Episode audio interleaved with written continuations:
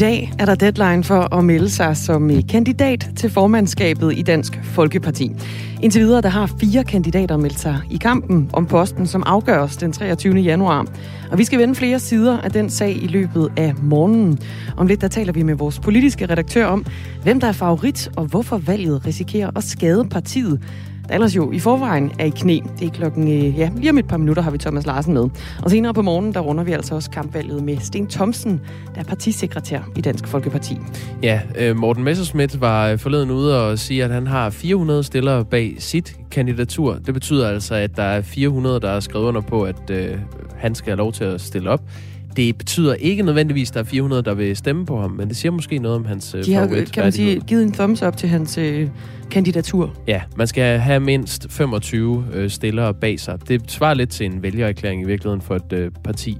Så hvis du går med en øh, formandsdrøm i mausen om at blive øh, formand i, øh, i Dansk Folkeparti, så er det altså i dag, du har deadline. En anden historie handler om, at øh, Hillerød Kommune vil have muligheden tilbage for at begrænse åbningstiden i dagtilbud. Ifølge Hillerød Kommune mangler de øh, medarbejdere, fordi mange er smittet med coronavirus eller hjemsendt i isolation, og det gør, den, det, det gør det simpelthen svært for dem at passe børnene. Vi kommer til at tale med Hillerød Kommune kl. 20 øh, minutter over 6 her til morgen. Og for første gang nogensinde, der har øh, Statens Serum Institut fremlagt coronatal, renset for personer, der er indlagt med alt muligt andet. De viser, at øh, tallet har været kraftigt pumpet op. Ja, i november og december har der været en fjerdedel af dem, som har øh, øh, indgået i statistikken som værende indlagt med coronavirus. De har ikke været indlagt med coronavirus. De har været indlagt af en anden årsag, men de har så... Haft corona. Haft coronavirus. Ja. Øh, det her det er nogle tal, som eksperter har skrevet på længere. Det er også en historie, vi går efter at løfte her til morgen. Du kan i hvert fald høre mere om sagen øh, lidt senere. Vi skal også omkring massive protester i øh, Kazakhstan, som har fået Rusland til at sende styrker til landet. Det kan få stor betydning for det russiske pres på Ukraine og Baltikum. Og den historie, den runder vi med Flemming Splidsbol, der er seniorforsker med speciale i det post-sovjetiske område. Du er altså nået den sidste hverdag i ugen. Du er velkommen til at skrive ind til os på øh, 1424. Start beskeden med R4. Det må godt handle om det fredag, men det må også godt handle om nogle andre ting. Øh, nogle af de historier, vi øh, beskæftiger os med. Hvis du har indspark til dem, hvis du har nogle spørgsmål, du gerne vil have, vi stiller videre, så skriv ind til os. Du kan blive den første, hvis du skriver ind nu. Klokken er 8 minutter over 6. Godmorgen. Godmorgen.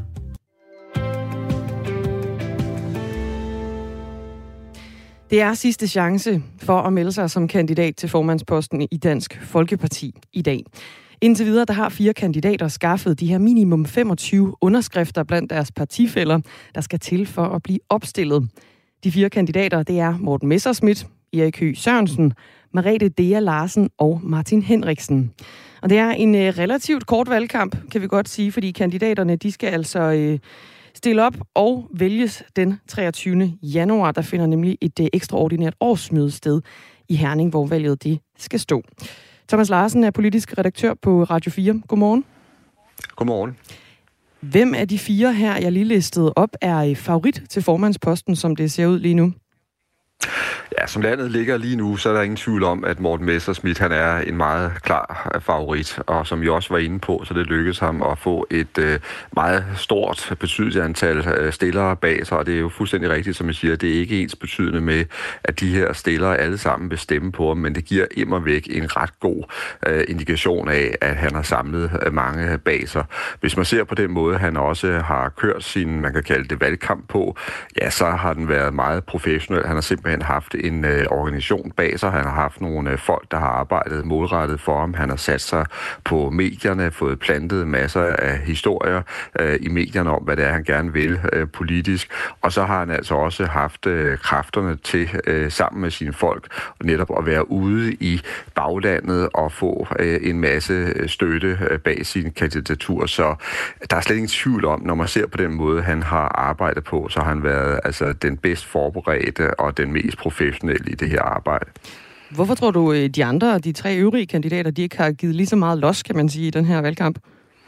Det virker ganske enkelt, som om de ikke har været altså, lige så velforberedte. Øh, og der skal man jo altså også lige huske på Morten Messerschmidt, at det er en lang drøm for ham at blive øh, ny formand i DF, og han har jo i realiteten også været kronprins øh, et stykke tid, øh, og på den måde er han også øh, godt altså connected internt i partiet, øh, og har folk omkring sig, som er klar til at følge ham, og som vel også lige her nu øh, drømmer om, at hvis han bliver formand, så er der også nogle øh, spændende opgaver for dem selv. Messerschmidt har også en øh, retssag hængende over hovedet, jo. Øh, den her såkaldte meldt og feltsag om misbrug af EU-midler. Hvad, hvad stiller partiet op, hvis han nu bliver formand, og så derefter dømt skyldig? Lige nu, der skal den jo, den er i gang med at blive anket. Det er jo virkelig et godt spørgsmål, du stiller der, og det er jo simpelthen helt indlysende, at hvis øh, han får en ny øh, dom, og også altså en alvorlig øh, dom, øh, så er det klart, så vil partiet blive kastet ud i kaos på ny, og derfor er der også et kæmpe element af gambling, kan man sige, i at han stiller øh, op. Fordi han kan simpelthen risikere, at han øh, bliver valgt som øh, formand den øh, 23. om søndagen, øh, og så kan han altså senere på et senere tidspunkt få en, øh, en alvorlig øh, dom i, i, i værste fald. Og så har han jo så fortalt, at hvis det sker, så vil han øh, trække sig, og så skal det være hans øh, kompagnon, øh, Peter Kofod, der så skal tage øh, over. Men det siger sig selv, at et øh, dansk folkeparti, der i forvejen er så kriseramt, som det er tilfældet, øh, ja, der vil det her scenario være det værste øh, tænkelige. Så vil man have en ny formand, der bliver nødt til at gå af kort tid efter. Thomas Larsen, øh, Morten Messersmith er jo også en mand, som øh, godt kan lide øh, god vin, og han går op i opera og, øh, og så videre. Øh, han er et, et dannet menneske. Øh, er, han, er han folkelig nok, tror du, til øh, sådan med, med din indsigt i, øh, i dansk politik, til at blive en, øh, en bred, samlende figur i Dansk Folkeparti? Ja, det er også et meget interessant øh, aspekt, fordi det er fuldstændig rigtigt, at øh, han har altså de her træk øh, ved sig, og han har de her øh, interesser, som altså umiddelbart kan virke meget elitære og meget lidt øh, folkelige. Men der skal man jo lige huske på, at dengang han øh, sprængte altså alle grænser for popularitet og fik mere end 450.000 stemmer, øh, da han stillede op til Europaparlamentet, øh, ja, der havde han jo også den her profil, og der øh, folkets øh, folk folk simpelthen øh, om ham, og var dengang jo helt øh, øh, vilde med ham. Der var han en politisk øh, superstar. Så jeg tror ikke, det nødvendigvis er nogen øh, hindring for ham. Jeg tror, det der snarere er en hindring, det er, at det efterhånden nogle år siden, at han jo øh, havde den her kæmpe popularitet. Der øh, har været et kæmpe dyk i hans popularitet. Han har været involveret i den langvarige sag om Meldt og Felt. Og så har han jo også nogle gange vist sig som en politiker, der øh, snarere spreder, end han samler. Og man skal heller ikke tage fejl af, at selv selvom han er favorit, så har han mange modstandere internt, og derfor så er der også nogen, der er bange for, om man vil have de rigtige personlige egenskaber, der skal til for at kunne samle partiet. Om ikke andet, så forklarede Morten Messersmith altså i forleden, at han havde samlet over 400 underskrifter til sit kandidatur til formandsposten i DF, selvom det egentlig kun er nødvendigt med 25. Underskrifterne her, de kan ses som sådan en, en slags vælgererklæringer, som partiets delegerede kan give for at vise, at de bakker op om kandidatens opstilling. Men det betyder altså ikke nødvendigvis, at øh, samtlige 400 personer, som har øh, skrevet under på hans kandidatur, de vil stemme på ham. Han forklarede øh, det her med, at han vil vise, at han er i stand til at samle partiet om ham som, øh, som formand. Altså det sagde Morten Messersmith, da han meldte de her 400 underskrifter ud. Mariette Dea Larsen og Erik Høgh Sørensen, de har ifølge Berlingske samlet de her lidt over de her 25, der er øh, nødvendige. Og Martin Henriksen, han har ikke svaret på, hvor mange han har af de her underskrifter. Øh, hvordan vil du vurdere Martin Henriksens chancer for at, øh, for at vinde øh, formandsposten? Jeg vil vurdere det på den måde, at der skal et øh, mindre mirakel til, hvis Martin Henriksen han skal gå sejre ud af, sejrigt ud af den her kamp. Det bliver virkelig øh, op og bakke. Det han kan håbe på, det er, at der er alligevel altså en del, både i, i folketingsgruppen i DF, men altså også ude i baglandet, der har den her utryghed øh, ved, om Morten Messerschmidt øh, han vil kunne samle partiet. Der er rigtig mange, der synes, han er dygtig, han er veltagende, han er stærk retorik og, og på mange måder en meget erfaren politiker, men har altså netop de her egenskaber, der skal til, til at samle partiet. Det er der nogen, der er utrygge ved, og det kan være Martin Henriksens chance. Det, man så bare lige skal få til, det er, at der er jo så også en hel del internt, der synes, at Martin Henriksen i for høj grad er en oprører, en rebel, øh, som jo altså også har sine fjender øh, internt. Øh, så jeg vil stadigvæk sige, at det er Morten Messerschmidt, der er den klare favorit. Men er han færdig i partiet, hvis, hvis, øh, hvis han taber det her valg, Martin Henriksen? Ja, Martin Henriksen har jo mere eller mindre direkte sagt, at hvis Morten Messerschmidt han vinder det her kampvalg, det kommende kampvalg, så kan han ikke se, at der vil være plads til ham i partiet. Og så tror jeg, at det vil være et meget godt gæt, at så er Martin Henriksen simpelthen færdig i partiet, så vil han, øh, så vil han søge mod andre græsbakker. Der var også øh, Inger Støjberg, som var på tale, og som øh, mange håbede på ville, ville stille op. Hvad bliver der af hende i den her valgkamp? Ja, det er unægteligt et godt spørgsmål, du stiller der, fordi der er ingen tvivl om, at øh, Inger Støjberg hun havde været storfavoritten, hvis hun havde øh, taget altså imod alle de opfordringer, der er kommet til hende om at stille op. Øh, både i Folketingsgruppen og, og hos uh, Christian Tulsendal, den nu snart foranværende formand, og langt, langt ude i hele DF's bagland. øh, der var Inger Støjberg øh, ønskekandidaten. Hun var nærmest frelserkvinden, som mange havde håbet ville komme her i 11 timer og være med til at redde partiet. Og det er der så bare intet, der tyder på, at øh, hun vil gøre. Og jeg tror, der er to altså, virkelig gode grunde til det. For det første, så var det jo altså en usædvanlig hård dom, hun fik fra rigsretten, der betød, at hun skal i fængsel, altså ubetinget fængsel i, i to måneder. Og den dom, den kom simpelthen som et øh, chok for hende, og var også med til at vælte nogle af de her planer. Hun har slet ikke forestillet sig, at øh, hun skulle bag øh, trammer, og det siger sig selv, det er ikke nemt at træde til som ny formand, og så samtidig at skulle til at overveje, hvor det er, man skal afzone henne, og hvor altså, i det hele taget skulle, skulle enten gå med fodlænke eller decideret bag trammer. Det er den ene ting. Den anden ting, der har været meget tydelig, det er, at Morten Messersmith godt nok udadtil har sagt, at han vil trække sig, hvis Inger Støjberg stillede op. Men samtidig er det klart, at han har kørt altså en målrettet kampagne for at blive formand, og jeg tror i høj grad, at han ser, at formandsposten er hans. Og det er jo selvfølgelig også noget, som øh, en del har taget ned i partiet, nemlig at Inger Støjberg så ikke vil komme til at stå i spidsen for et harmonisk dansk folkeparti. Hun vil have øh, Morten Messersmith som en indre rival, og det vil være meget, meget svært øh, også at stille sig i spidsen for, for DF, når man kommer udefra, hvis partiet ikke reelt vil være klar til at samle sig bag hende. Men er Støjberg øh, definitivt færdig i, øh, i dansk politik, som du ser det, Thomas Larsen? Nej, jeg tror, hun bliver utrolig interessant at følge fremover, og der skal man lægge mærke til, at øh, det hun jo sagde øh, i minutterne efter, at hun var blevet øh, udelukket fra Folketinget, altså var blevet stemt ud af alle kollegerne på Christiansborg, det var, at man har ikke hørt det sidste til hende. Og det tror jeg, man skal tage meget alvorligt. Og hun vil være en af de få politikere, øh, ikke mindst fordi hendes folkelige gennemslagskraft er så stor, så hun vil kunne få held med at starte sit eget parti. Og det tror jeg er det, man sidder og venter på på Christiansborg, og også nogen frygter på Christiansborg, og det er præcis det, hun vil gøre. Det sagde Thomas Larsen, der er politisk redaktør her på øh, Radio 4. Og vi har altså også prøvet at få en øh, kommentar fra Martin Henriksen, men øh, han er ikke vendt tilbage på vores henvendelser. Det kunne jo ellers være øh, sjovt lige at høre, hvor mange underskrivere han egentlig har, når nu de andre kandidater, kandidater har meldt, øh, meldt deres ud. Men vi taler med partisekretæren i Dansk Folkeparti om den her historie også, altså Sten Thomsen. Det er klokken cirka kvart i syv.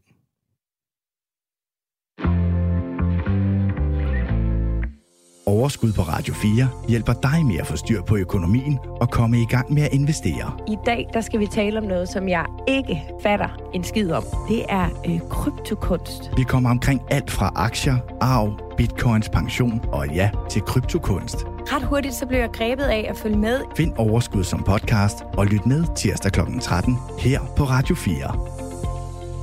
Radio 4 taler med Danmark.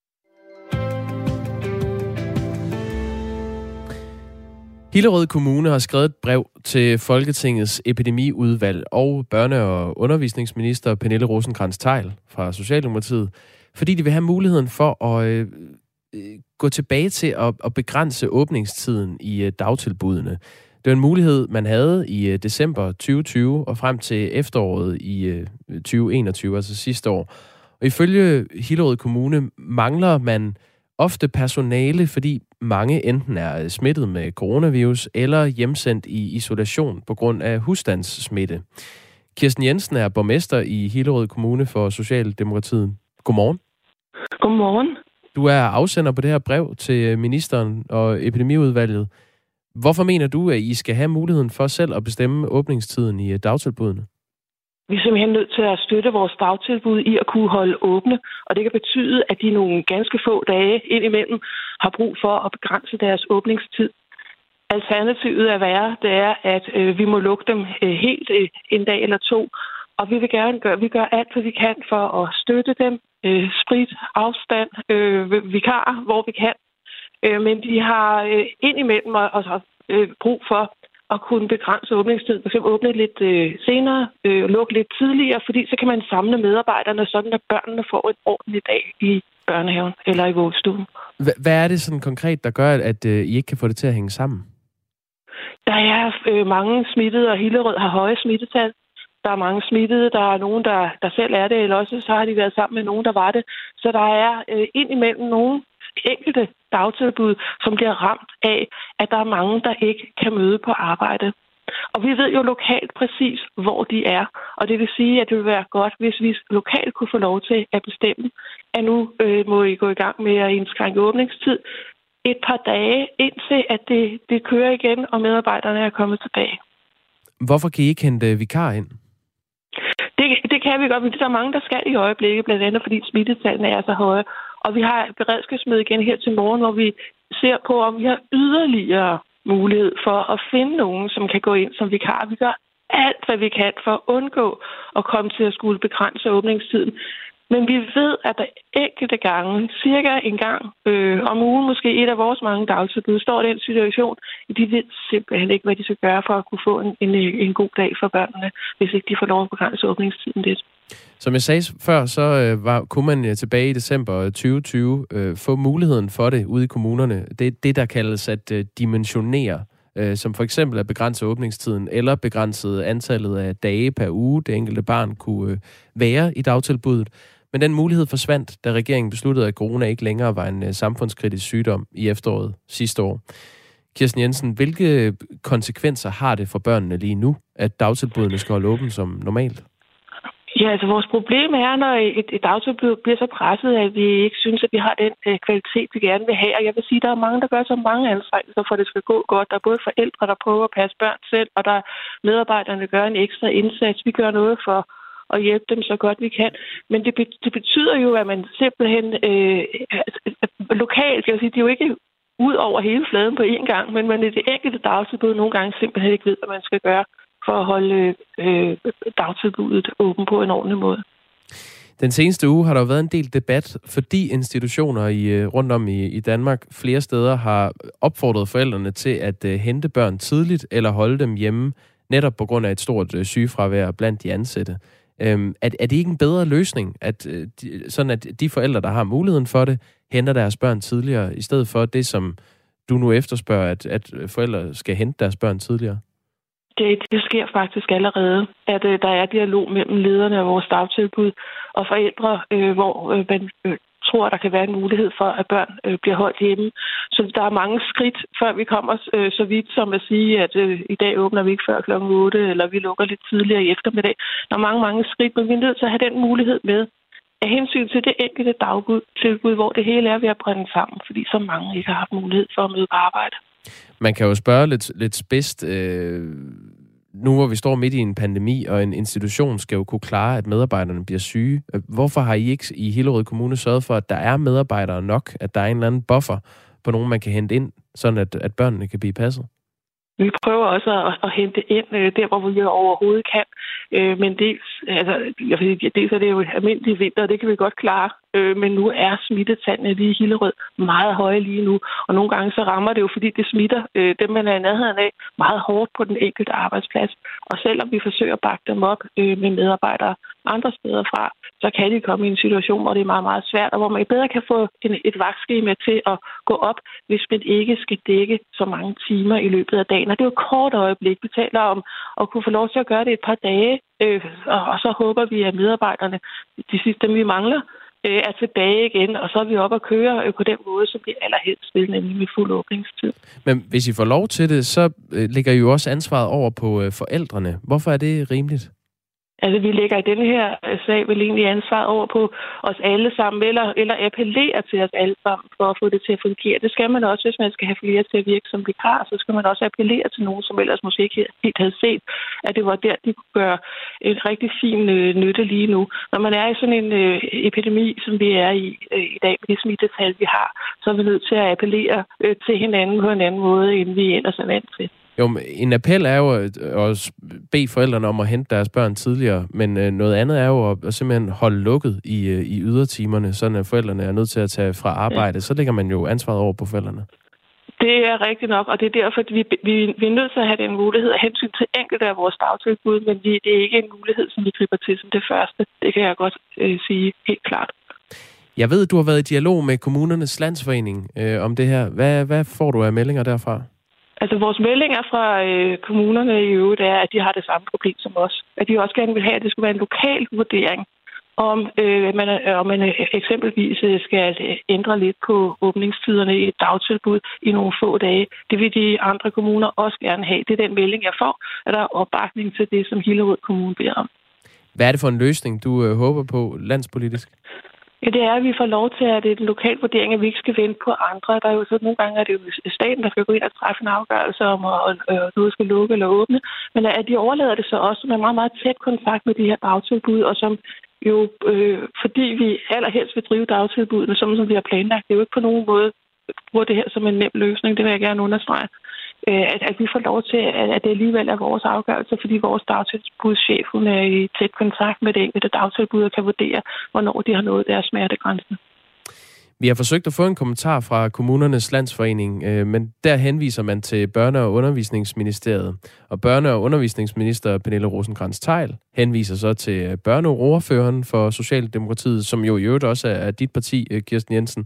Det er Jens Jol, ham kommer vi til at tale med klokken lidt over 8 her i programmet, og jeg ved, at han mener, at det er et af de tungere skyts, hvis man skal til at, at give lov til det her ude i institutionerne. Og det har man ikke tænkt sig at, øh, at frigive lige nu. Hvad har du af besked til Jens Jo? Eller I en kommune som vores, hvor smittetallene er så høje, der, der synes jeg, de må prøve at se på, at vi vil gøre det her på en meget ansvarlig måde, og, og så lidt som overhovedet muligt. Men når vi har prøvet alle andre midler, øh, så, så øh, og, og det jeg ved, området er meget øh, ansvarsfuldt, og det vil kun gøre det, når det, når det glipper, og vi kan risikere, at vi slet ikke har noget øh, dagtilbud der. Vi holder det jo åbent på den her måde, skal man øh, lige øh, understrege. Så jeg synes, de skal prøve at tænke på, om ikke de kan hjælpe os. Jeg ved, og jeg er enig, han vil helt sikkert også sige, at vi har, skal dagtilbud skal være åbent, fordi forældrene skal på arbejde. Det er jeg enig i. Det ved jeg naturligvis godt, og det ved vi alle sammen øh, i vores kommune. Tak fordi du var med i Radio 4 morgen, Kirsten Jensen. Ja, velbekomme. Velbekomme. Som altså er borgmester i øh, Hillerød Kommune for Socialdemokratiet. Og det bliver altså lidt over 8, vi taler med øh, Jens Jol om den her sag. Klokken er 28 minutter over 6, og du lytter til Radio 4 morgen.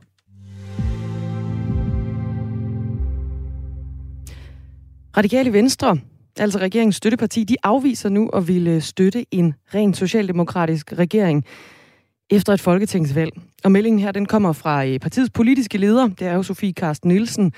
Det gør hun i et interview med øh, Politikken. Og hun siger, vi udelukker at pege på en etpartiregering, Siger hun altså til Politikken. Ja, og det kommer jo i kølvandet på, at man i øh, efteråret også, det var tilbage i november, rettede en skarp kritik fra Radikale Venstre side mod øh, regeringen der lød det, at øh, Socialdemokratiet er præget af en ekstrem topstyring, og at øh, magtfuldkommenheden øh, er hidtil uset under den nuværende regering.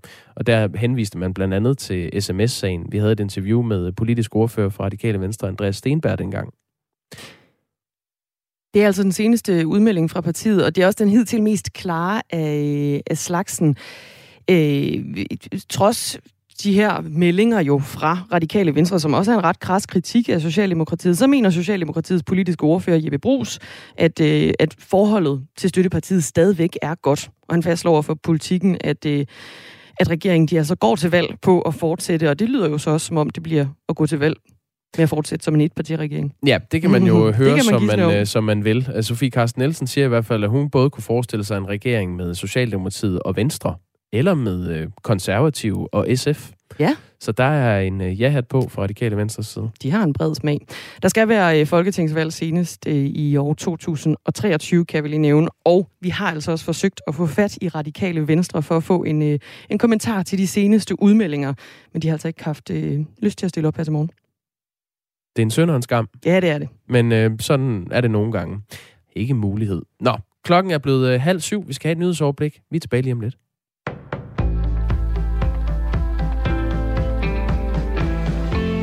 Der er stor forskel på nøjagtigheden af de corona-selvtest, som det offentlige har indkøbt til brug på skoler, hospitaler og plejehjem. Der er tale om fire forskellige fabrikanter, og derfor forskel på, hvor mange smittede de finder. Testene har forskellig nøjagtighed, fordi de er udviklet forskelligt, fortæller lektor i medicinalbiologi på Roskilde Universitet, Peter Bus Kamp.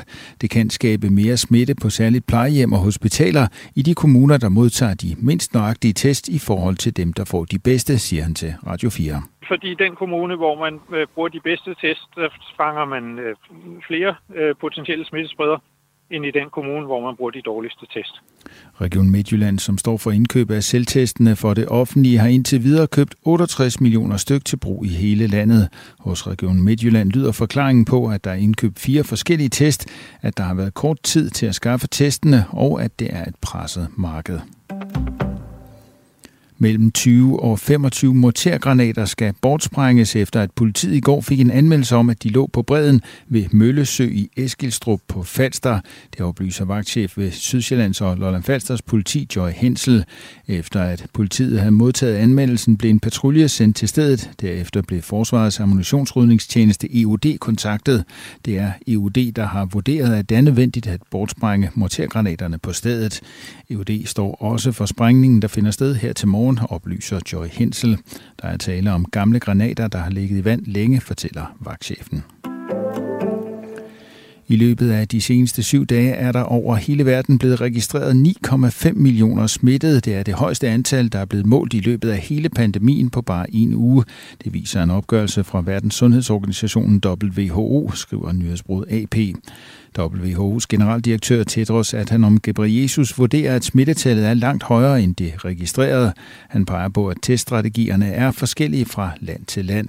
Samtidig er det ugenlige antal af coronarelaterede dødsfald faldet denne uge, mens der den seneste uge blev registreret lidt flere end 41.000 dødsfald verden over, blev der registreret knap 45.000 ugen forinden. WHO er i lang tid blevet citeret for, at en stigning i antallet af smittede først kan ses i dødstallene efter to uger, men Sundhedsorganisationen bemærker nu, at omikron-varianten, der dominerer i mange lande verden over, ikke har vist sig at være lige så dødelig som delta-varianten. Det er der flere årsager til, ifølge WHO, blandt andet stigende vaccinationsrater verden over, og det faktum, at omikron påvirker næse og svælg mere end lungerne. USA's tidligere præsident Donald Trump planlægger at lancere sit nye sociale medie ved navn The Truth Social i februar. Det fremgår af en oversigt på Apples App Store.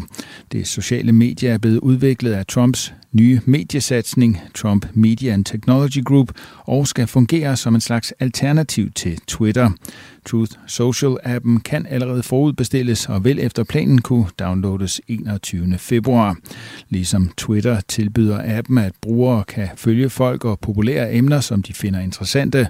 Og mens man på Twitter kan dele sine tanker i et tweet, så vil man på Truth Social kunne dele dem som en truth eller sandhed på dansk. Lanceringen af det sociale medie vil finde sted 13 måneder efter, at Donald Trump blev bandlyst fra Facebook og Twitter for at opmuntre sine følgere til at tage del i stormløbet mod USA's kongres den 6. januar 2021. Frem mod stormløbet delte Trump også flere udokumenterede påstande på de to platforme om, at der blev svindlet med USA's præsidentvalg i 2020. Skyde med udbredt regn, slud og tøsne, men i dagens løb klarer det noget op vestfra, bortset fra regnslud eller havlbyer. Temperaturer mellem 1 og 4 graders varme, og så er der risiko for pletvis rim eller isglatte veje i hele landet.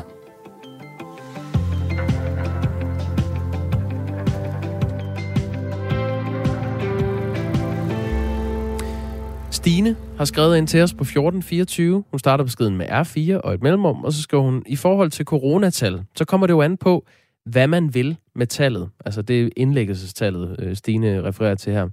Hvis det skal sige noget om, hvor presset sygehusene er, skal alle coronapatienterne regnes med, lige meget om de er syge af corona eller ej. For har de corona, så skal de isoleres, og det tager meget ekstra tid for personalet. Hvis man vil have det skal sige noget om, hvor mange der er alvorligt syge med corona, så skal dem, der er indlagt af andre årsager, øh, og så tilfældigvis har corona, ikke regnes med, skriver Stine. Det er på historien om, at øh, Statens Serum Institut har meldt, kan man sige, øh, rensede tal. Dem har de udgivet. Altså antallet af indlagte patienter, dem som er indlagt på grund af corona, dem har de renset for dem, som er indlagt med corona, men som i bund og grund er indlagt med noget andet. Det kan være et brækket ben, det kan være en eller anden form for operation, de har skulle undergå, men altså som så også er blevet testet positiv for corona. Og det viser, at øh, der i december var 27 procent af de her øh, patienter med coronavirus indlagt på grund af en anden diagnose. Det viser den her rapport fra Statens Serum Institut. 23 procent. Nej, jeg får 27 procent her. Du får 27 procent? Ja, og i oktober var det 25 procent. Har vi forskellige tal? Jeg Nå. har nogle tal fra december. Det ligger i hvert fald øh, i omegnen af sådan cirka en fjerdedel af dem, der har, er, indgår i statistikken øh, som indlagt med coronavirus, som altså er, er indlagt på grund af en anden diagnose, og så viser det sig, at de har coronavirus. Og det er nogle tal, som øh, flere eksperter har ventet på siden foråret. Øh, det er en opgørelse, som indeholder alle patienter, der har været indlagt mindst 12 timer, og samtidig testet positiv i løbet af de seneste 14 dage i forbindelse med deres øh, indlæggelse. Så det er en, øh, en interessant rapport, der kommer fra Statens Serum Institut. Spørgsmålet er selvfølgelig, øh, hvad kan man bruge det til nu mm. og ændre det billedet? Og det er også noget, vi kommer til at se nærmere på her til morgen. Der er også kommet andre sms'er ind. Vi siger tak til Stine, der altså har skrevet ind. Der er også en anden lytter, der har skrevet ind på øh, historien om deadline i dag for øh, at stille op som øh, formandskandidat til DF. Alle, snakker, alle jeg snakker med sætter kryds ved Inger Støjberg ved næste valg, fordi hun er uretfærdigt behandlet. Så det bliver sygt spændende. Glæder mig. God dag. Det... Hun stiller jo, det ser ikke ud, som om hun kommer til at stille op til øh, formandsposten i DF, som det ser ud lige nu. Det er i hvert fald også meldingen fra politisk redaktør Thomas Larsen, at øh, Inger Støjberg og DF, det ser ud, som om det er en øh, saga blot nu. Vi taler med øh, Sten Thomsen, som er partisekretær i Dansk Folkeparti, om øh, 10 minutters tid, om netop det. Altså, Inger Støjberg, er der nogen mulighed for, at øh, hun tager imod Dansk Folkepartis øh, frieri? Det er altså deadline day, hvis man har tænkt sig at skulle stille op til formandsposten. Ja, Thomas Larsen, han øh, spår altså, at hun øh, ikke kommer til at indlemme sig selv i øh, DF, men måske kommer til at starte et nyt parti, og så er det jo, ja, der er i hvert fald masser af stemmer at hente hos øh, vedkommende, der har skrevet sms'en herind. Det er hævet over enhver tvivl, at det bliver et øh, mega interessant valg, der kommer øh, folketingsvalg, øh, sandsynligvis først næste år. Øh, kommer der mere Øresundsreportagen, er der en, der spørger på sms'en. God weekend til jer. Det må næsten være øh, Radio 4 undersøger. Ja, øh, vores øh, undersøgende format her på kanalen, som har lavet en øh, serie på to afsnit, der handler om øh, bandemiljøet i Sverige, og de tråde, det trækker til Danmark. Det hedder Skud over sundet. Øh, der er de to afsnit, som øh, lige nu ligger tilgængeligt, der hvor du øh, finder din podcast, eller på Radio 4's øh, hjemmeside. Der kan du øh, finde dem. Ja, skyderi over sundet. Der kommer altså, som det ser ud lige pt, vist ikke flere afsnit lige af den serie, men der kommer en masse andet godt. Så det, det kan man uh, tabe ind i. Der er nogle virkelig interessante historier i pipeline der. Uh, godmorgen. Det er fredag, og jeg vil bare sige tak til jer for at starte min morgen godt hver morgen, når jeg skal på arbejde. Det, uh, der lytter jeg til jeres program. I gør det skide godt. Tak. God fredag fra Nino. Tak, Nino. Og god fredag til dig også. Ja, det var da en pæn sms. Tusind tak skal du have. Det er sådan en rar måde at starte sin fredag ud på. Hvis du vil skrive ind, som øh, de lyttere, vi lige har læst op, har gjort, så skal du altså skrive ind på 1424 og starte beskeden med R4. Her i studiet er det Dagmar Eben Østergaard og Jakob Grosen, og det er simpelthen blevet fredag. Godmorgen.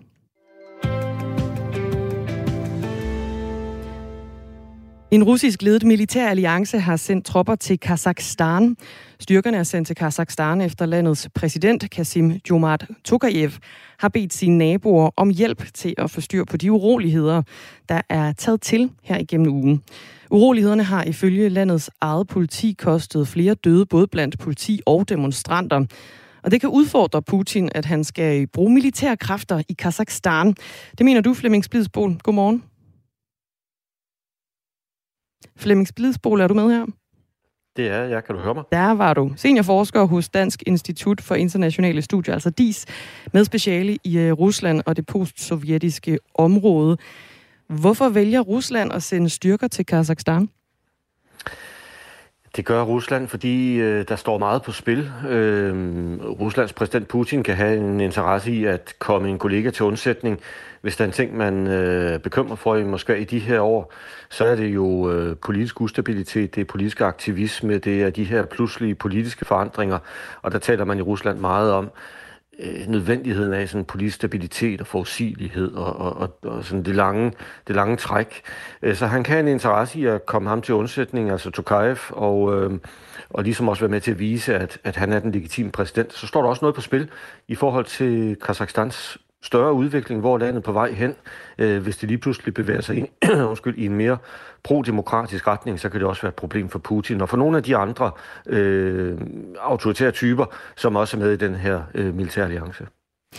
Rusland har de seneste måneder oprustet deres militære tilstedeværelse langs grænsen til Ukraine, til de baltiske lande og også til, øh, til Finland. Hvad, den her uro i, i Kazakhstan, hvad kommer den til at betyde for deres tilstedeværelse der? Umiddelbart kommer den ikke til at betyde noget. Det er jo forskellige tropper. og Det russiske forsvar er jo, er jo stort. Det er, ikke, det er endda meget stort, øh, så de kan godt finde tropper øh, sendt til Kazakhstan også. Og der taler man måske om, om et par tusind. Jeg ser russiske kilder siger, at det er maksimalt 5.000, men, men andre steder ser jeg, at det er op mod måske 2.500 alt i alt. Øh, så, så de kan godt finde tropperne. Men, øh, men udviklingen i Kazakhstan kommer jo meget ubelejligt for Putin, fordi han har fokus på Ukraine, og han har mm. fokus på sine samtaler med USA og med NATO og så videre, og så lige pludselig skal han til at forholde sig til det her. Øh, så på den måde er det, er det forstyrrende og, og noget, som tager fokus også fra fra det politiske med Ukraine, men selvfølgelig også det militære, altså hvor, hvor de russiske tropper står klar, og hvor de forsøger at, at virke truende, og, og, og på den måde, så, så lige pludselig kommer der noget andet, som tager opmærksomheden. Nu hvor Rusland har sendt øh, styrker til, øh, til Kazakhstan, så det virker, ikke, altså det virker som om, du også siger her, at, at, at Rusland har rigeligt med, med øh, militære muligheder, altså et stort militær, så, så frygten for en russisk invasion af Ukraine, er den stadigvæk ikke over? Nej, det er den ikke. Den er ikke blevet... blevet øh, den er måske blevet en lille smule mindre øh, på grund af det her, netop fordi fokus øh, i Rusland nu meget er på Kazakhstan. Men det er heller ikke sikkert, at, at, øh, at den russiske invasion af Ukraine i første omgang var det mest sandsynlige. Øh, jeg har jo været hos jer tidligere også at tale om, om øh, Ukraine, hvor jeg sagde, at der er en risiko for, for, for krig, for invasion, der er en sandsynlighed for det, men det er ikke, ikke det mest sandsynlige. Og nu går vi så ind i en uge, hvor der kommer et politisk spil, der kommer nogle forhandlinger, og det er måske det, Putin har håbet på og ventet på helt fra starten, og simpelthen at, at blive inviteret med til nogle ting og se, om, om han kunne få nogle indrømmelser, som han kunne tage med hjem. Ja, udenrigsministerne i NATO kan vi lige nævne, øh, de holder øh, møde i dag om netop Ukraine, som altså oplever det her øh, militære pres fra, fra Rusland. Tropperne de er en del af den kollektive sikkerhedspagt. Det er sådan en pagt mellem Rusland, Hviderusland, Armenien, Tajikistan, Kirgistan og Kazakhstan. Og i alt der er øh, mere end 1000 personer altså kommet til skade under urolighederne, der foregår lige nu i Kazakhstan, som tog fart i begyndelsen af ugen. Og Kazakhstan har erklæret undtagelsestilstand i hele landet på grund af de her voksne protester, der altså foregår. Situationen den beskrives som den største udfordring mod det autoritære styre i Kazakhstan i årtier protesterne, der er opstået i øh, Kazakhstan. Hvad grunder de i, Flemming Splidsbål? De grunder jo øh, blandt andet i, at, at Kazakhstan er en autoritær stat, som du også siger. Ikke? Øh, Øh, nu er der en, en præsident, øh, Tokayev, som blev indsat i 2019, men inden da var der en præsident, som sad 29 år. Øh, så der er jo en utrolig politisk stabilitet, kan man sige. Mange i Kazakhstan vil jo sige, at der er slet ikke nogen udskiftning. Øh, vi har ikke rigtig mulighed for at stemme på nogen, vi har ikke mulighed for at gøre vores indflydelse gældende. Så er der en udbredt korruption og nepotisme. Kazakhstan er jo et forholdsvis velhavende land. Og det betyder jo ikke, at det, at det er et rigt land, men, men sammenlignet med nogle af de andre, også nogle af dem, du nævner, Kirgisistan, Tajikistan for eksempel, som er meget fattige lande, så har øh, befolkningen i Kazakhstan det, det, det er rimelig godt. Øhm, men, men der er en udbredt korruption og nepotisme, og der er en, en elite, som, som har taget det meste af den her økonomiske udvikling, som man har oplevet. Så, så der har været, kan vi jo se nu, øh, fordi det er sket meget pludseligt og meget voldsomt, at der har været de, de her ligesom indstængte frustrationer, som ikke kunne komme ud, simpelthen fordi det er der autoritære styre. Og så kommer den her situation med, med prisstigninger på brændstof, det er det, der får folk ud på gaden, og da de så opdager, at det kan de faktisk godt slippe afsted med, så lige pludselig så har det så det her øh, politiske øh, islet i stedet for.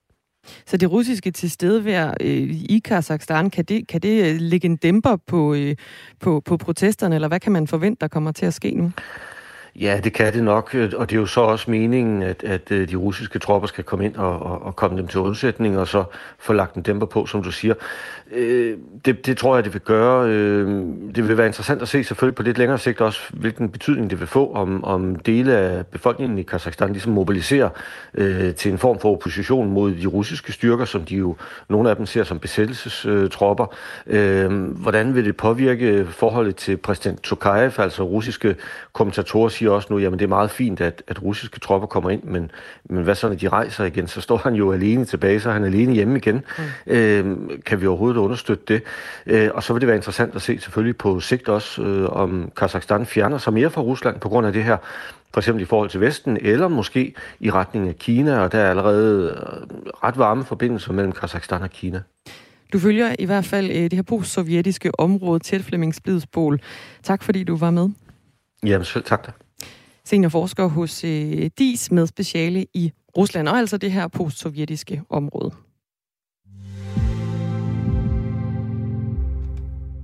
Der er kommet en sms fra vores lytter Bent Bertelsen, der skriver, jeg synes, I skal omtale den kronik, Morten Seibel har skrevet i Altinget, om hvorfor man ikke kan få lov til at dø.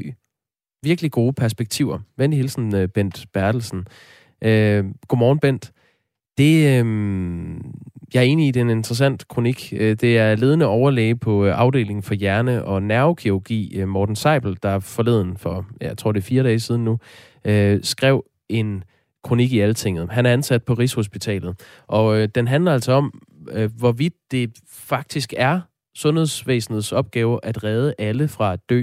Altså, hvor, hvor går grænsen for, hvornår man skal øh, sætte ind med livsforlængende behandling? Øhm, og hvornår giver det en måske uværdig sidste tid, øh, hvor man altså redder en patient fra at dø, som så øh, alligevel har nogle, øh, nogle svære vilkår for at, at leve videre. Øhm, det er en øh, person, Morten Seibel, som øh, har medvirket i et interview her tidligere på ugen, her på kanalen. Han var med i vores øh, fine eftermiddagsprogram Missionen mm. forleden. Det var onsdag. Så hvis du har lyst til at høre et interview med Morten Seibel, så gå ind og find øh, Missionen det finder du der, hvor du øh, finder podcast. Du kan også finde det på Radio 4's hjemmeside. Og så find onsdagens udsendelse. Der kan du høre et interview med øh, Morten Seibel. Og tak for sms'en. Ja tak. SMS'er er mere end velkomne. I skriver ind til 1424. Start med R4 og lav et mellemrum, og så lander de herinde hos os. 13 minutter i 7. Hvis du går med en øh, drøm i maven om at blive formand for Dansk Folkeparti, så er det øh, i dag, du skal slå til. I dag er nemlig et deadline for opstilling til øh, formandsposten i partiet. Indtil videre skal partiets kommende formand findes mellem fire kandidater. Det er Morten Messerschmidt, det er Erik Høgh Sørensen, det er Merete D. Larsen, og så er det Martin Henriksen. Og i går fortalte Morten Messerschmidt, at han har fået 400 stillere, altså underskrifter, fra sit kandidatur. Det er ikke ens betydende med, at alle 400 vil stemme på ham, men øh, det siger vel noget om hans øh, favoritværdighed. Gør det ikke det, Sten Thomsen? Godmorgen. Jamen, godmorgen, og tak fordi jeg var med. Øh, jo, det er da klart, at, at, at når Morten Messerschmidt har samlet øh, 400 stillere, det er selvfølgelig en, en gunstig øh, position. Det er klart. Øh, og vi har modtaget øh, stillere for, for de fire, du nævnte nu her, og jeg sidder faktisk lige i øjeblikket og er ved at, at tjekke, at de her stillere nu også har betalt og, og så videre. Så det er, det er vi i gang med lige i øjeblikket. Jeg putter lige en titel på dig. Du er partisekretær i øh, partiet, altså i Dansk Folkeparti. Øhm, kan du se andre udfald, end at Morten Messerschmidt bliver ny formand for Dansk Folkeparti? Og men det synes jeg ikke, det tilkommer mig som partisekretær. Altså, øh, vi, vi skal sikre en god og ordentlig øh, valghandling, og øh, der er øh, først lige i dag nu her, som jeg også selv nævnte, deadline for indmeldelse af kandidater. Øh, og så er det klart, så øh, valgkampen, som jo sikkert allerede har været lidt i gang, den fortsætter nu her i de kommende 14 dage, og så er det op til de medlemmer, der møder frem og, og vælger formanden. Og han skal vælges, eller hun skal vælges med absolut øh, flertal, så der kan godt komme flere afstemninger, hvis ikke der er nogen, der har absolut flertal i, i første runde. Mm. Jeg skal lige sige, at du sidder i et tog, øh, Sten Thomsen, og du skal have tak for øh, velvilligheden til alligevel at medvirke her i radioen. Det er bare, hvis man undrer sig over, at der er en lidt en rumlen i, øh, i baggrunden. Det er ellers en OK-lyd, vi har på dig. De andre kandidater, Merete D. Larsen og Erik Høgh Sørensen, har ifølge Berlingske samlet lidt over de her 25 stillere, det kræver at, øh, at stille op som formandskandidat i Dansk Folkeparti. Og Martin Henriksen har ikke svaret på, øh, hvor mange han har. Ved du som partisekretær, hvor mange stillere øh, Martin Henriksen har? Øh, jo, men det eneste, vi sådan set offentliggør, det er, om øh, kandidaterne har, har øh, samlet de fornødende 25 stillere, som man skal. Øhm, og, øh, og der er Martin Henriksen også over. Øh, men øh, du ved det godt, men du vil ikke sige mange, det. det. Det er op til ham selv. Okay. Ja, det er rigtigt. Man skal være fysisk til stede til det her møde den 23. januar i, i Herning for at afgive sin stemme. Og alle Dansk Folkepartis øh, folkevalgte og øh, lokalformænd samt hovedbestyrelsen er selvskrevne som øh, delegerede. De har altså stemmeret. Og så er der altså alle lokalforeninger, som har ret til en delegeret for hver 10 medlemmer, de har. Øh, det er lidt teknisk, og det er nok også det, du sidder og prøver at holde lidt øh, styr på, øh, Sten Thomsen. Martin Henriksen blev i efteråret fyret som konsulent for Dansk Folkeparti. Det talte vi også med dig om dengang. Er han færdig i partiet, hvis han ikke får formandsposten den 23. Januar? Nej, det er jeg ret overbevist om, han ikke er. Altså alle de indikationer, der har været for de forskellige formandskandidater, det er netop, at nu skal man efter den 23. række hånden ud og samle partiet. Og så er det selvfølgelig op til folk selv, om man ønsker at være med øh, med den nye ledelse, eller man ikke ønsker det. Men øh, jeg har ikke hørt andre indikationer fra de forskellige formandskandidater, at alle er indstillet på, at efter den 23. så gælder det om at samle partiet, øh, sådan man igen kan få fornyet kræfter. Du, altså, du har ikke læst de interviews med Martin Henriksen, hvor han siger, at øh, hvis Morten Messersmith bliver formand for partiet, så tror han ikke rigtigt, at der er plads til, til ham selv? Jo, men jeg har også læst øh, Morten Messersmiths interview, hvor han jo netop siger, at han ønsker at, at række frem og samle partiet, og det er også det, de øvrige kandidater giver udtryk for. Så mit indtryk er ikke, at uanset hvem der bliver valgt, at der så skal i gang ja, i en udrensning eller noget. Tværtimod, så tror jeg, at øh, uanset hvem der bliver formand af, af de kandidater, der måtte være, de vil se en stor ære i at, at, at kunne være være med til at samle partiet og, og række ud. Og, og så kræver det selvfølgelig, at man er medvirkende til det. Det siger sig selv. Men det er den store opgave efter den 23. Det er at kunne stå samlet. Men der kommer altså i omegn af 900 øh, delegerede til det her øh, ekstraordinære årsmøde, hvor en ny formand skal vælges, og Morten Messerschmidt øh, har fremlagt dokumentation for, at han har i hvert fald øh, 400, der, der støtter hans kandidatur. Nu er der jo stadig resten af dagen øh, til, at man kan melde sit øh, kandidatur ud, hvis man ønsker at blive formand i partiet. Kommer I til at tage en øh, kanin op af hatten i dag, tror du? Nej, det tror jeg ikke. Øh, jeg er klar over, at du selvfølgelig henviser til Inger Støjberg, og jeg ved, at Inger Støjberg hun er utrolig taknemmelig for den støtte, hun har fået fra Dansk Folkeparti øh, hele vejen igennem, helt fra start til, til, til hun blev sendt ud af Folketinget øhm, og som vi jo synes er, er fuldstændig urimeligt øh, for at have stået fast på de danske værdier. Mm. Og vi ønsker selvfølgelig en tæt tilknytning øh, til hende, det siger sig selv. Øh, men, men jeg er ret overbevist om, som jeg også har været inde på tidligere på morgen, at, øh, at hun ønsker at have afsonet sin straf, øh, inden hun igen er aktiv. Har du hørt fra hende? Øh, Øh, jeg har ikke selv hørt fra hende, men, øh, men øh, der er dialog øh, med hende øh, øh, løbende. Men er I ikke lidt skuffet over nu? nu I har jo både øh, bejlet til hende et stykke tid som, øh, som øh, mulig formandskandidat, at der, der var i hvert fald øh, plads til hende. Både øh, Pia Kærsgaard og Christian Thulesen Dahl, øh, Morten Messersmith har sådan set også været ude at sige, at hvis Inger Støjberg skulle, øh, skulle melde sig som øh, kandidat til formandsposten, jamen så, så var det uden kamp, så skulle hun bare have lov til at, at tage den. Og I har også tilbudt hende et øh, ikke nærmere defineret job øh, for at få hende ind i, i folden. Øh, er I lidt skuffet over, at I ikke har hørt fra hende på den her baggrund? Øh, nej, vi har også hørt fra hende, men, øh, men, men jeg tror, det er øh, at, at den her øh, helt vilde dom på øh, øh, ubetinget fængsel, der gør, at, at øh, tingene ser anderledes ud. Og øh, altså, i vores verden har vi heller ikke regnet med, at det overhovedet øh, kunne komme dertil. Øh, man har jo set masser af, af ministre, der har brudt ministeransvarsloven, uden det er kommet til hverken rigsret eller fængselsdom. Øh, man kan bare se på Mette Frederiksen og, og Mink-sagen, hvor, hvor de også har brudt øh, loven. Øh, men men øh, det, det øh, tror jeg, det er en medvirkende øh, faktor, og det gør ikke, at vi ikke støtter Inger Støjberg. Altså, vi mener, hun har stået side om side med os øh, gennem hele processen. Og, øh, og det er også derfor, at vi har øh, både støttet hende og øh, gerne vil være behjælpelige og gerne vil have hende så tæt som, som muligt selvfølgelig. Nu, der skylder jeg sige, at, at min kommission er ved at, at placere et ansvar og finde ud af, hvem øh, vidste hvad, hvornår i forbindelse med den beslutning, øh, som øh, selvfølgelig var ulovlig at slå alle øh, mink ned. Men det Inger Støjberg er dømt for, det er jo, at hun med, med åbne øjne ja. har brudt ministeransvarsloven. Ja, men det der ikke kan være nogen tvivl om, øh, det er jo, da så øh, Mette Frederiksen netop får at vide, at hun selv erkender, at der har hun fået det at vide, der sidder hun fortsat efterfølgende på tv og siger til minkavnerne, at de skal slå øh, raske mink øh, ihjel. Øh, så der kan sådan set heller ikke være tvivl om der, at øh, man, man uden lovhjelm bliver ved med at, at udstå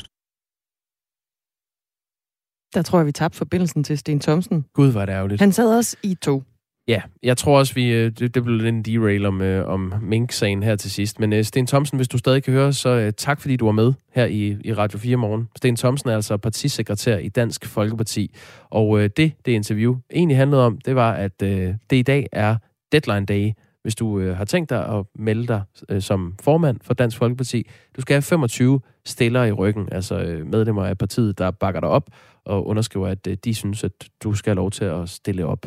Og de kandidater, vi ved øh, stiller op, der er altså fire styks. Det er jo selvfølgelig øh, Morten Messerschmidt, som er nuværende næstformand i Dansk Folkeparti. Så det er også Mariette D. Larsen, som lige pt. sidder i DF's hovedbestyrelse, så hun tidligere medlem af Dansk Folkeparti også. Der er også en, der hedder Erik Høgh Sørensen. Han er kommunal Øh, bestyrelsesmedlem i øh, Jørgen Byråd. Og så er der Martin Henriksen, som øh, også vil stille op til den her formandspost. Han er jo tidligere folketingsmedlem, og så er han medlem af hovedbestyrelsen også lige nu, og var i mange år en af de jo meget profilerede DF'er på Christiansborg. Der er kommet en enkelt sms. Gu er Støjberg ikke uretfærdigt behandlet. Hun fatter ikke, at sagen ikke handlede om barnebrud. Hun var minister.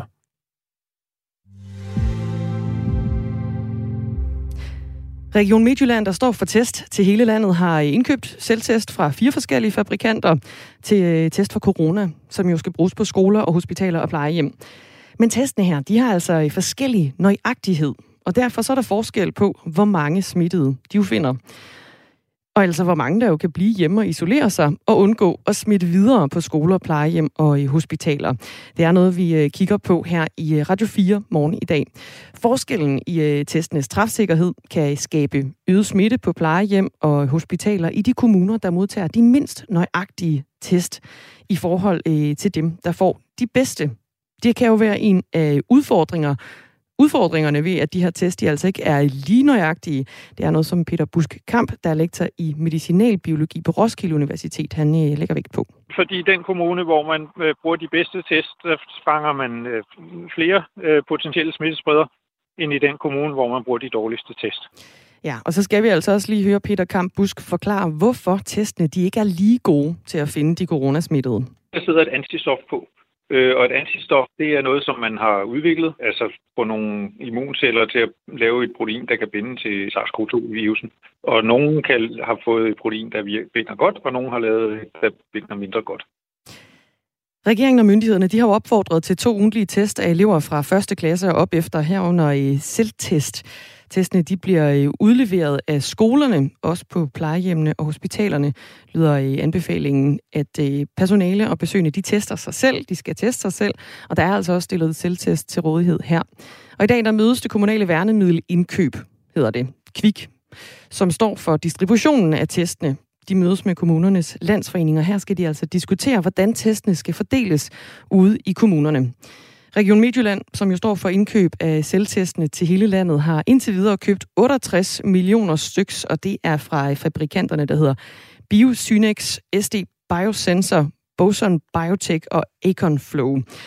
Og øh, Peter Kamp Busk har altså et par pointer at sige om nøjagtigheden af et par af de her test. Vi ved, at Roche og SD Biosensor ligger på, på, øhm, på, på, på, på den høje ende, øh, og Biosynix ligger i den lave ende. Det var det, der er uafhængige data fra tredje fart. Og senere på morgen, der taler vi med Dorte Christensen, som er vicedirektør i Region Midtjylland, der altså har stået for indkøbet af de her 68 millioner selvtest. Og vi vil selvfølgelig gerne spørge til øh, øh, regionens indkøbsstrategi, men også øh, lige så meget fordelingsstrategien af de her selvtest. Hvordan skal man fordele dem, når der er så stor forskel på de forskellige test? Det bliver en interessant øh, historie. Jens skriver, nyhedsoplæseren er der for vild. Prøv lige at læse WHO-medarbejder navnet op, som han gjorde i det foregående indslag. Jeg kan ikke engang stave til det. Det er Tedros Adhanom Ghebreyesus. Lad os høre Thomas Sand sige det. Klokken er blevet syv.